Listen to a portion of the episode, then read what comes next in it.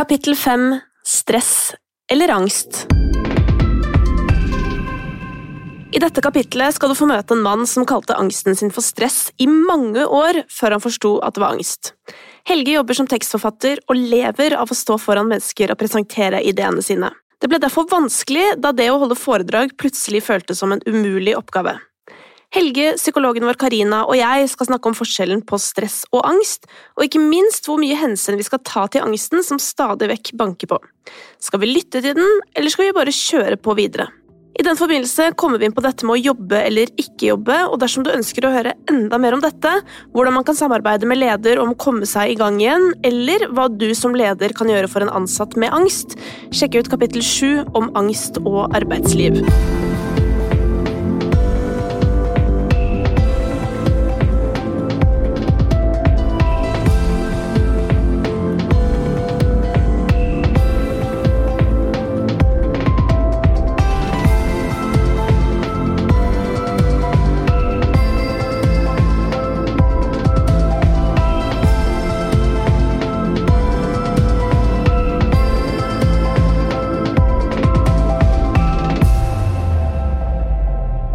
Helge Svendsen, du er 31 eh, år og tekstforfatter fra Stavanger. Og i dag så er du her for å dele din angsthistorie. Ja, eh, takk for det. Eh, det begynte egentlig når jeg var 22 og vi skulle ha høytlesning i klassen. Jeg har alltid vært glad i å lese ting høyt og presentere og fortelle, og sånt, men akkurat den dag så, så hadde jeg skrevet en sånn lang historie som jeg hadde skrevet sjøl. Og så begynte jeg å lese det, og så kjente jeg underveis at liksom, halsen begynte å snøre seg. og eh, jeg begynte liksom å, begynte å svette, og det var vanskelig og vanskelig å lese ordene. Så jeg begynte liksom å skynde meg til slutten av setningene. Og jeg ble mer og mer nervøs og skjønte hva alle dager dette for noe. Jeg har aldri opplevd før. Eh, og det var da starten på dette ubehaget som jeg, har hatt, jeg hadde veldig lenge, det var rundt presentasjoner. Ja. Så på skolen da, så, um, så, ble det verre og verre å presentere, for dette her gikk liksom ikke vekk. Det ble liksom, Jeg bygde noe sinnssykt stort inni hodet mitt. Det var, um, Jeg var jo på videregående utrolig glad i å, å presentere. og Jeg fikk liksom alltid sekser og sånt, og mitt store våpen på skolen er ikke dass. Jeg kunne ikke lenger, uh, jeg fikk det ikke ordentlig til. Så um, Uh, når jeg skulle ha presentasjoner, så prøvde jeg liksom å, å, å, snike meg unna det. Hvis jeg skulle lese tekster jeg hadde skrevet sjøl, så skrev jeg veldig korte tekster. Jeg dytta det liksom litt vekk. Jeg tenkte bare sånn, ja, men dette det går fint, liksom. det er sikkert bare stress. Og sånn. Uh, og så uh, var jeg på et foredrag en dag på Mount Everest. Okay. og det var i en sånn aula, som veldig sånn bratt aula med setene. og det var, Jeg viste bilder fra fjellene og sånt, og jeg har jo litt høydeskrekk. Så noen av bildene ga meg faktisk høydeskrekk i det rommet. Og da var jeg så stressa på forhånd at jeg fikk et panikkanfall i den salen. Og det var første gang du fikk et panikkanfall? Første gang jeg fikk panikkanfall var da. Og jeg skjønte ikke hva det var, og jeg trodde jeg skulle dø. Det var, jeg trodde jeg hadde hjerteattakk i en alder av 23. liksom. Det var helt, Jeg skjønte ingenting. Men jeg satt i salen og, og var med noen venner, og så tenkte jeg bare Jeg kan ikke, jeg kan ikke, jeg kan ikke dø nå. Det er så utrolig pinlig. bare, altså Det her er skikkelig teit. liksom. Og, men det, bare, Jeg har så utrolig mye motstridende tanker inni hodet på en gang, men det var bare de svettetoktene og, og, den panikken da, som var så utrolig sterk. Aldri før på noe sånt før. Og, og så, noen dager senere, så gikk jeg til legen. for jeg, hadde, jeg, tenkte at det går sikkert over, men jeg kjente det liksom på T-banen. Begynte liksom å dunke i brystet, og det var skikkelig skikkelig ekkelt. Og så dro jeg til legen eh, på eh, Jeg hadde ikke fastlege, så jeg dro til et sånn eh, legekontor. Og eh, så fortalte han hva det var, og prøvde liksom å, å eh, si altså, Er det hjerteattakk, liksom? Og, så, og, Han gjorde ingen målinger, han bare så på meg, og så lo han og så sa han, du bare stressa. Bare Stikk hjem og ta deg en pils, liksom. Og så eh, dytta det vekk. og Det gikk liksom aldri vekk. Det var gode perioder og dårlige perioder, men det var liksom alltid der. og Det å ha presentasjoner og sånt var det ble vanskeligere og vanskeligere, og jeg fikk mer og mer metoder på å komme gjennom det og snike meg unna det. Og sånn. Og flytta til utlandet, eh, begynte å jobbe der. Og mm, så kjente, da ble det liksom bare verre og verre. Og verre, og jeg skjønte ikke hva det var. Jeg, var liksom, jeg fikk ikke sove om nettene. det var liksom var Men har du ikke på noe tidspunkt liksom vært på internett eller sånn, prøvd å finne ut hva Jeg, var, jeg leste, leste jo mye om det. Først var, trodde jeg det var et hjerteattakk. At det var sånn, her er det en hjertefeil. liksom. Du leser disse unge sportsutøverne som, som plutselig dør av hjertefeil. tenker sånn, Det må være det. det må være noe sånt. Men så begynte jeg å google og, og gjennom her, og det var liksom men du vet når du begynner å google symptomer, sant, så har du jo alt fra kreft i hjernen til ja. Kjenner til det. ja. Så eh, da eh, Jeg begynte å google, og jeg snakket med mine venner om det. og de eh, tenkte ja, men du er bare stressa og litt sånn, men etter hvert som jeg snakket om det, så var det, viser jeg at flere og flere venner som hadde den lignende ting, eller opplevd lignende ting. Mm. Um, og uh, ordet angst begynte å slenges rundt. at Det kunne kanskje være angst. og Jeg har en venn som hadde det sånn, og han hadde angst. bare sånn, Men jeg har jo ikke angst, tenkte jeg. Det kan ikke være det. Det er bare stress. Angst er noe liksom alle andre enn jeg får. Det er liksom, man, Mm. man tenker på det som en Man er låst inne i huset hele dagen og bare Nei, det, det er så sterk, det er sånn sterk lidelse, da. Altså sterk symptom. Eh, men eh, Så jeg dytta det vekk. Det kanskje var angst. det kanskje var angst. Og så, men jeg flytta tilbake til Oslo, så bare hadde jeg det så jævlig at eh, jeg dro til min fastlege. Da Og hvor gammel var du da? Da var jeg 25. Ja, Så da har du gått med dette i tre år. Mm. Mm. Eh, hun sa at eh, ja, jeg tok masse målinger og sånt, og dette kan være angst. Det høres ut som angst. Og Da hadde jeg hørt det så mange ganger før at det bare sånn, ok, kanskje det er det. Eh, hva gjør jeg nå? Så henviste hun meg til psykolog. Og eh, jeg brukte de første 20 minuttene av den timen til å nekte for psykologen at det her er jo ikke angst. Klærlig er dette her. Noe annet er bare jeg har hatt sykt mye å gjøre, og det er stress, og jeg har ikke tatt vare på meg sjøl. Og sånne ting. Og så de neste 20 minuttene så, så grein jeg. Ja.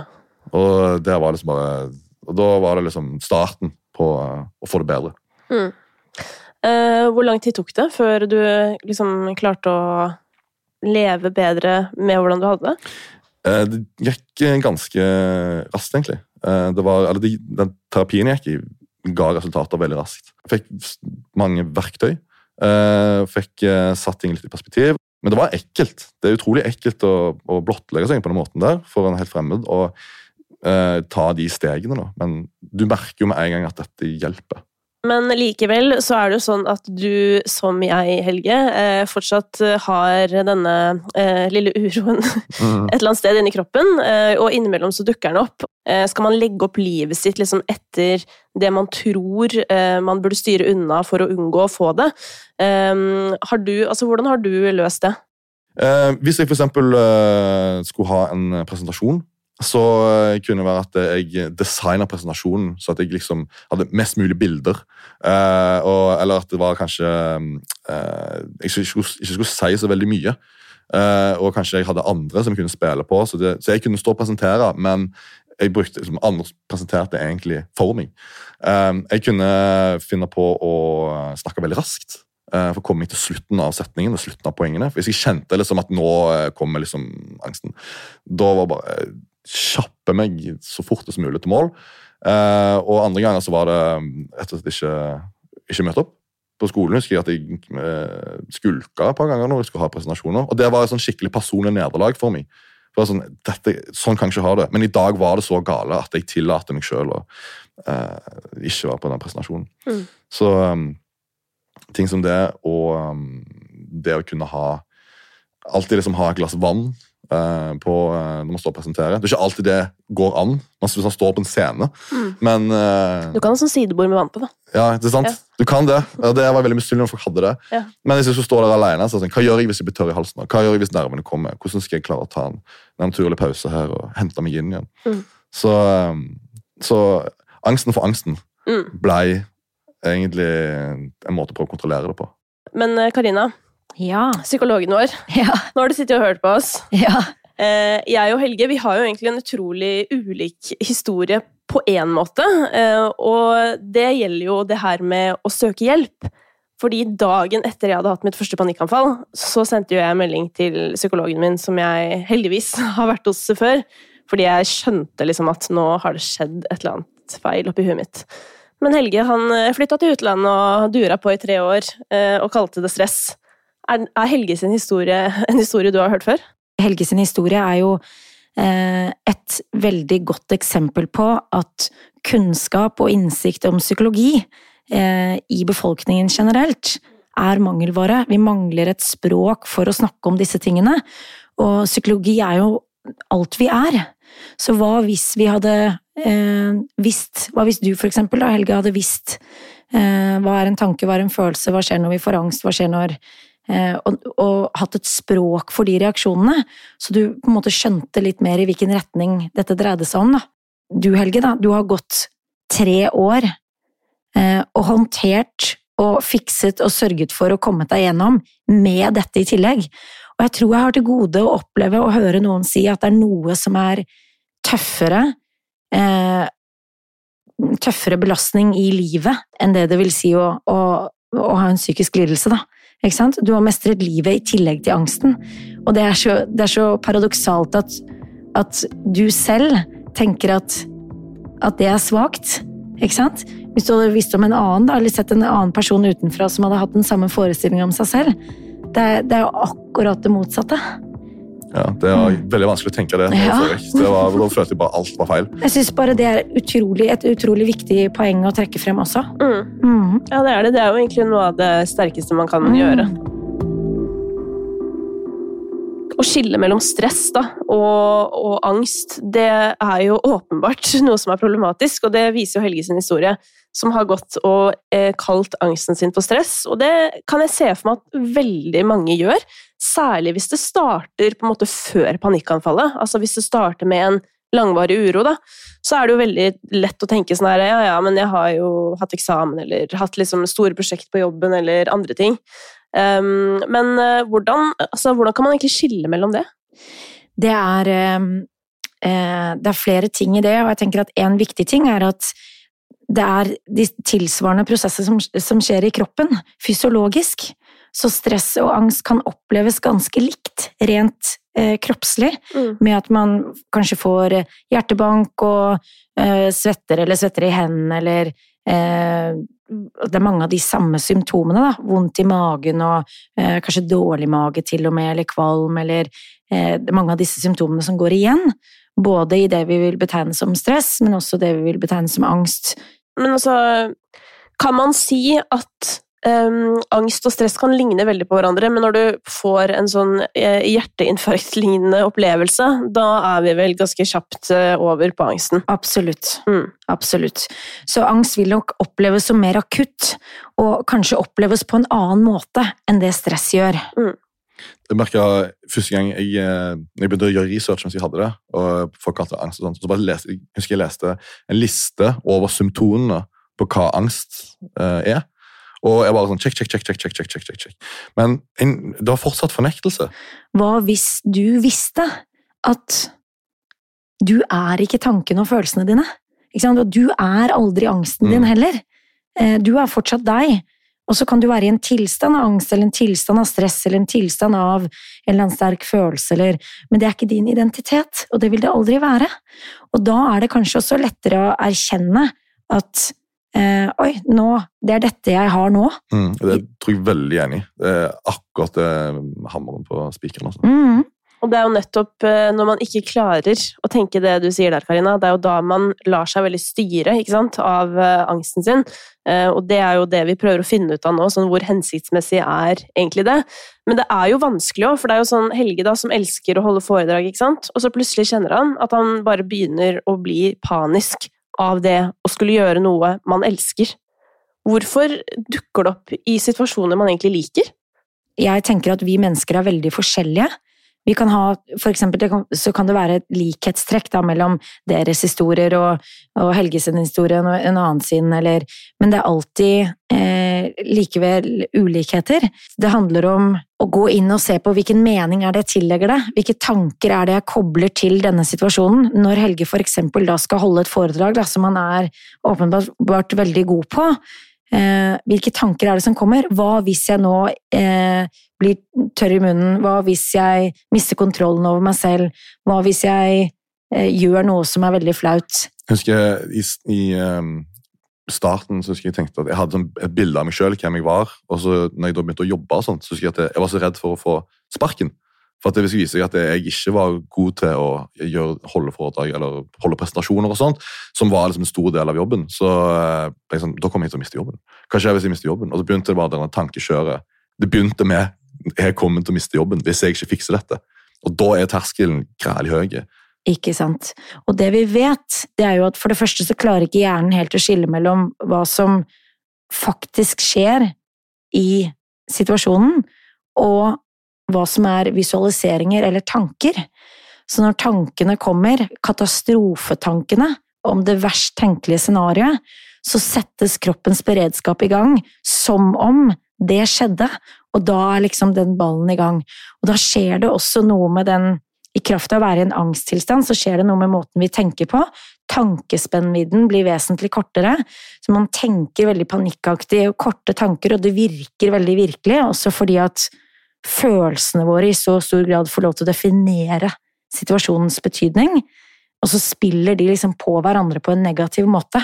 Mm, og det tror jeg mange kan kjenne seg igjen i. Sånn der, at mm. uh, du sitter egentlig i en helt koselig situasjon. Jeg kan, jeg, jeg kan, sette i gang den prosessen nå, hvis jeg vil, rundt dette bordet.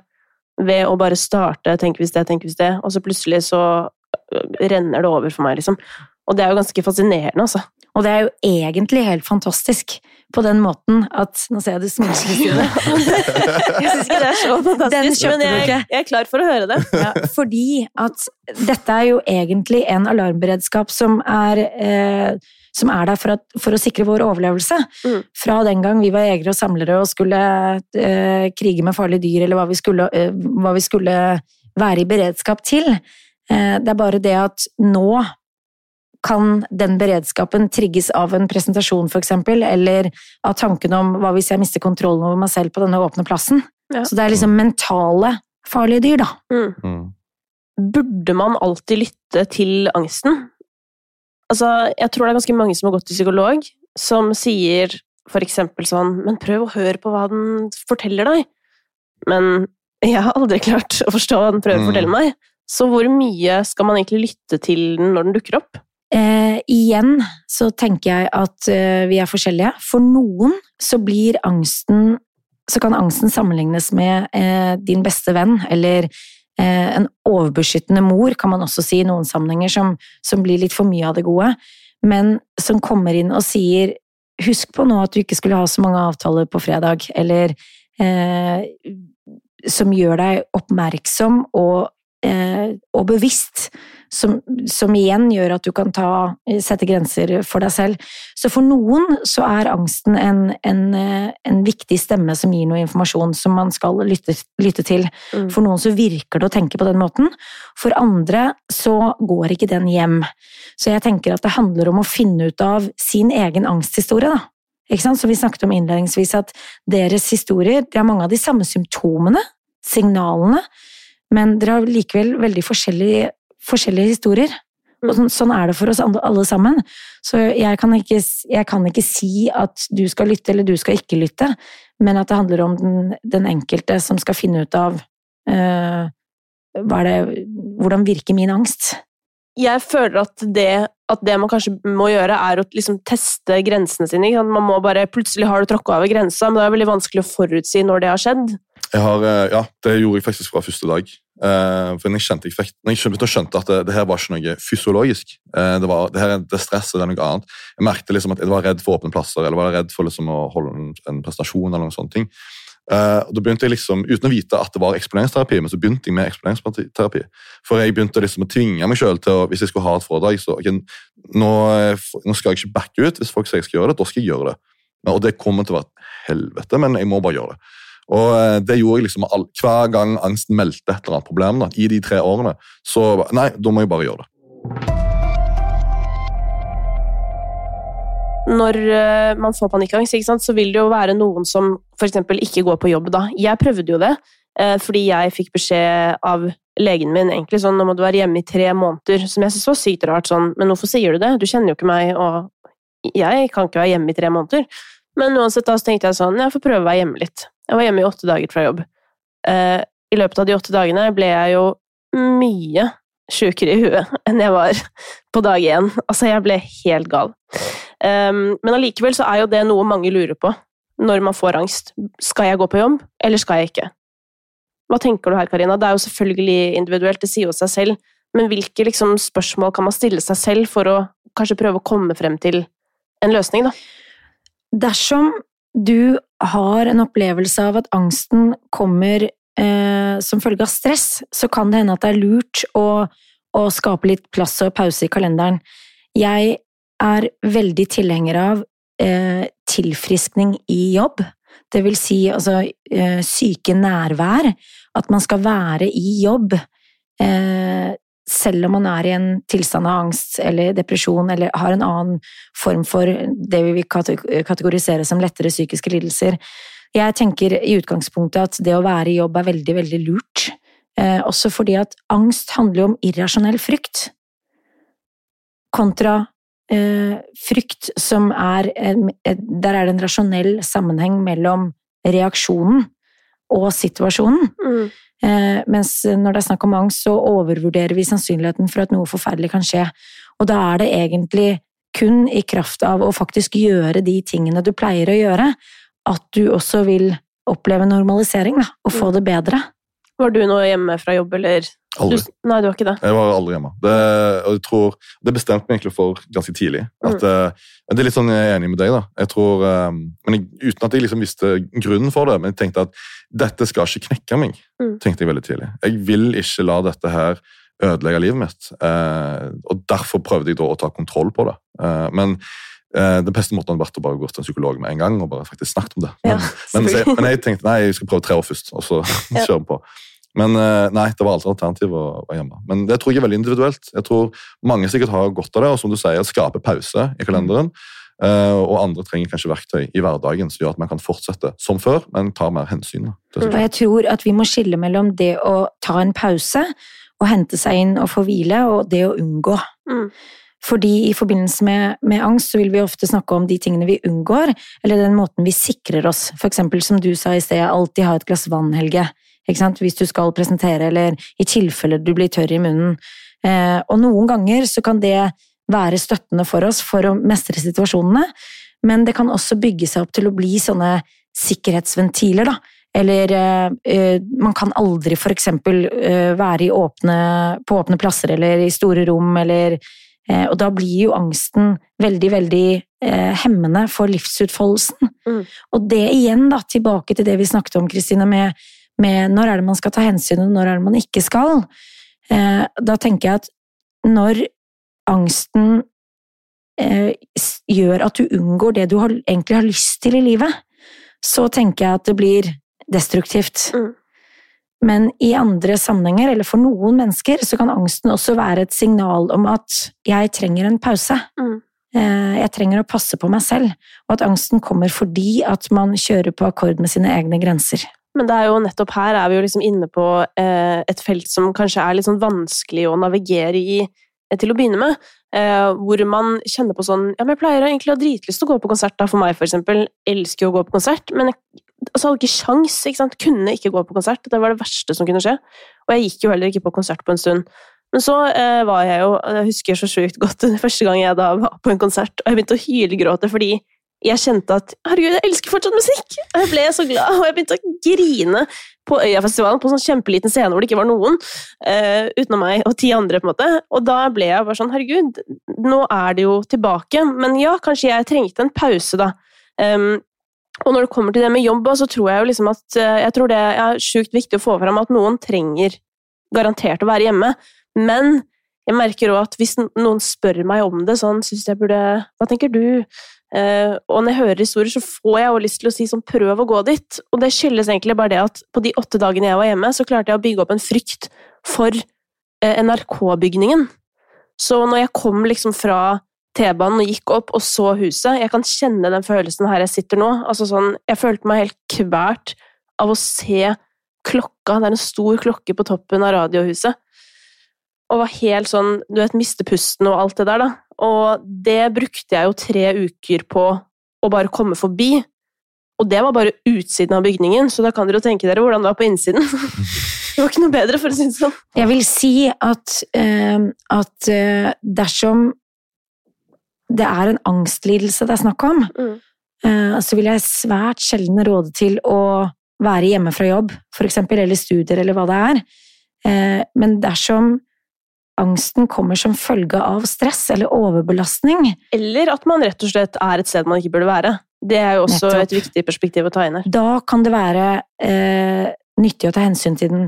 Men så tenker jeg nå at eh, så kan det hende at det er mange lyttere som, som blir veldig frustrerte. Men hva skal jeg gjøre? Jeg Ja. vet jo ikke. Eh, og det er, det er også frustrerende for meg å ikke kunne gi noe gi noe enten eller. Ja. Men jeg vil si at dersom det handler om angst, og man går med katastrofetanker om det verst tenkelige som kan skje, som utgangspunkt da, så er det egentlig en, en invitasjon til en eksponering. Det er jo eh, frustrerende for deg, Karina, å ikke kunne si noe konkret. Og det har jo for meg i hvert fall vært noe av det mest frustrerende med å få hjelp også av min psykolog. Det at han aldri bare kunne si til meg Kan du ikke bare si hva jeg skal gjøre, da? Kan du ikke bare gi meg en kalender? Kan du ikke bare fortelle liksom, hva som er min kapasitet? Kan ikke noen bare si det til meg? Hva er det verste som kan skje? Ja, jeg hører dere spør om det. Det, jeg tror den, den eh, Og hva gjør du da? Men det er interessant med balanse, da, fordi jeg tror balansen flytter seg, altså nullpunktet på den balansen det flytter seg jo hele veien. Mm. Uh, og En uke så klarer man å være veldig sosial og trives veldig godt med det, og sånt, og, men andre ganger så kjenner man at nei, nå trenger jeg en pause. Og jeg tror kanskje, For meg i hvert fall, så var et utgangspunkt i hvert fall lytte mer til meg sjøl. Og liksom, ok, nå har, har jeg faktisk lyst til å gjøre dette, eller gjør jeg det fordi jeg liksom det, det, det, Jeg har alltid gjort det. Det å begynne å si nei til ting, det å kunne prioritere andre ting Igjen prøve å lytte til kroppen hvor balansen er denne uka, eller hvor er det nå. Det hjalp iallfall veldig meg. da. Men Nå er du inne på noe, på en måte, det som er noe av det beste, syns jeg, med at jeg har fått angst. Og det er rett og slett at det er, det er litt som å være gravid. Du vet, Når man er gravid, så har du unnskyldning for, for alt. Nei, men jeg er gravid, jeg skjønner du, så jeg må gå hjem nå. ikke sant? Og det, eh, da jeg var liksom på, da jeg var i hvert fall dårligere, så husker jeg jeg synes det var så deilig at jeg kunne bare si sånn, vet du hva, jeg, jeg har det. Jeg har angst, jeg, og jeg må gå nå, på en måte. Og, og kunne liksom ta med seg det videre sånn, og ikke sitte og gjøre ting for andre sin skyld. Ikke liksom sånn «Nei, 'jeg må sitte her fordi det ser best ut'. Det ser veldig dumt ut hvis jeg går nå. Men hvis det gjør at du blir syk og du sitter der, så må du jo gå.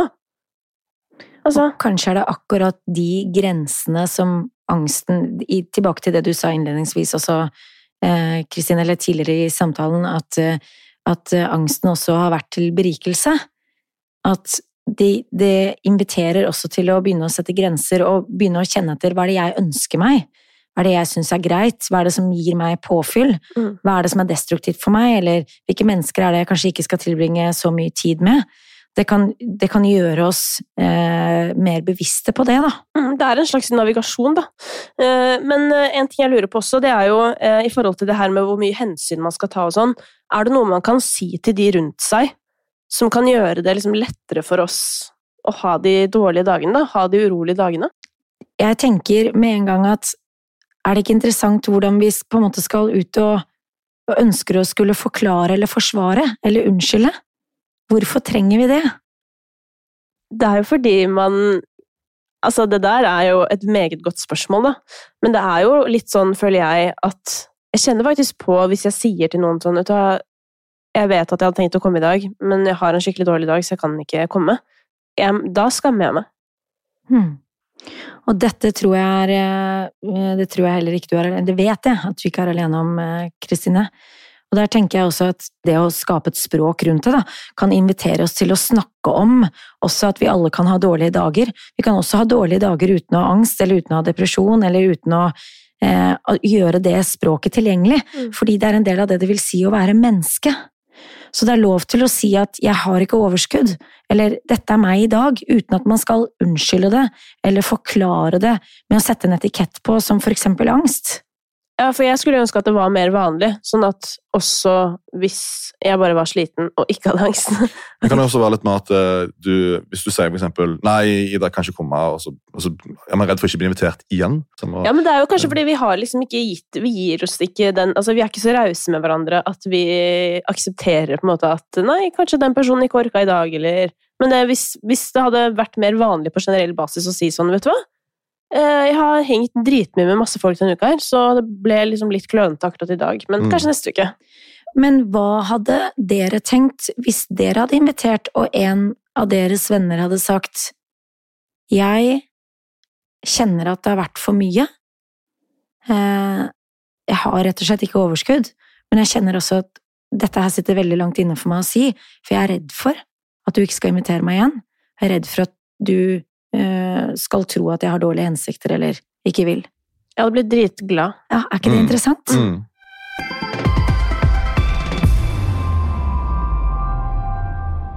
Men eh, Helge, tar du liksom fortsatt hensyn til angsten din i dag? Jeg tror eh, jeg blir mye, jeg er blitt mye bedre kjent med den. Eh, den. eh, den plager meg ikke når jeg, når jeg vet hva det er. Så, det er liksom, så den, som jeg sa litt tidligere, den, det er enklere for meg å bare gå ut og observere den. og fortsette det jeg gjorde. Men jeg eh, har også blitt mye flinkere til å gjenkjenne når jeg, når er det liksom for mye. Når er, jeg, når er det mange ting som skjer i livet, for eksempel, og jeg har ikke tatt hensyn til meg sjøl.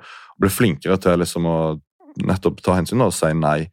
Eh, I dag skal jeg ikke gjøre noe. I dag skal jeg bare ha, nå skal jeg ha et par dager hvor jeg bare henger, ser på Netflix, gjør ingenting annet, bare slapper av, går turer eller bare er for meg sjøl og henter seg inn. da.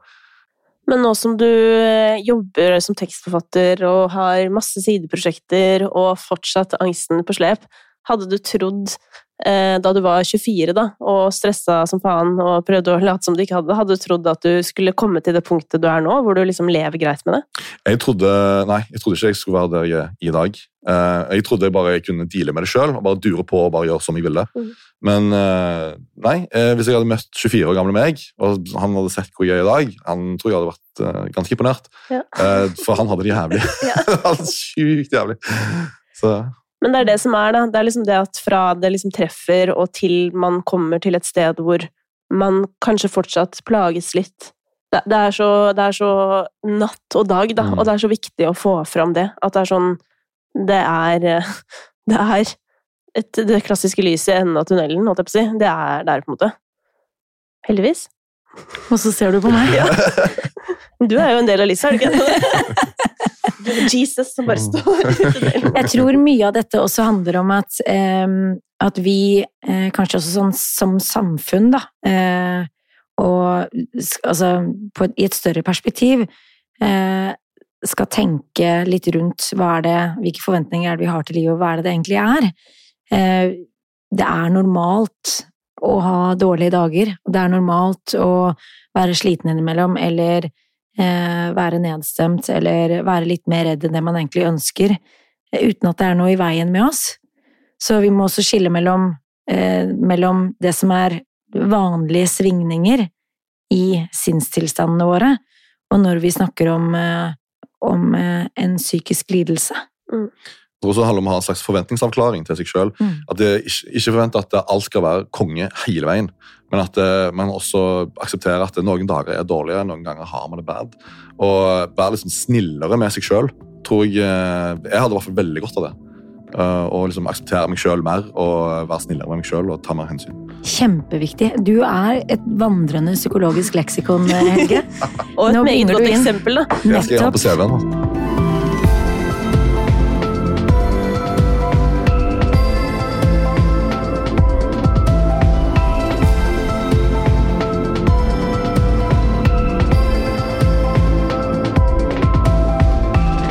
Pårørende og lurer på hva du kan gjøre, så finnes det et eget kapittel til deg litt lenger ned i rekken. Har du lyst til å følge oss og finne ut mer, sjekk ut noiapodkast.no. Og tusen takk til Ekstrastiftelsen og Rådet for psykisk helse, som muliggjør dette prosjektet.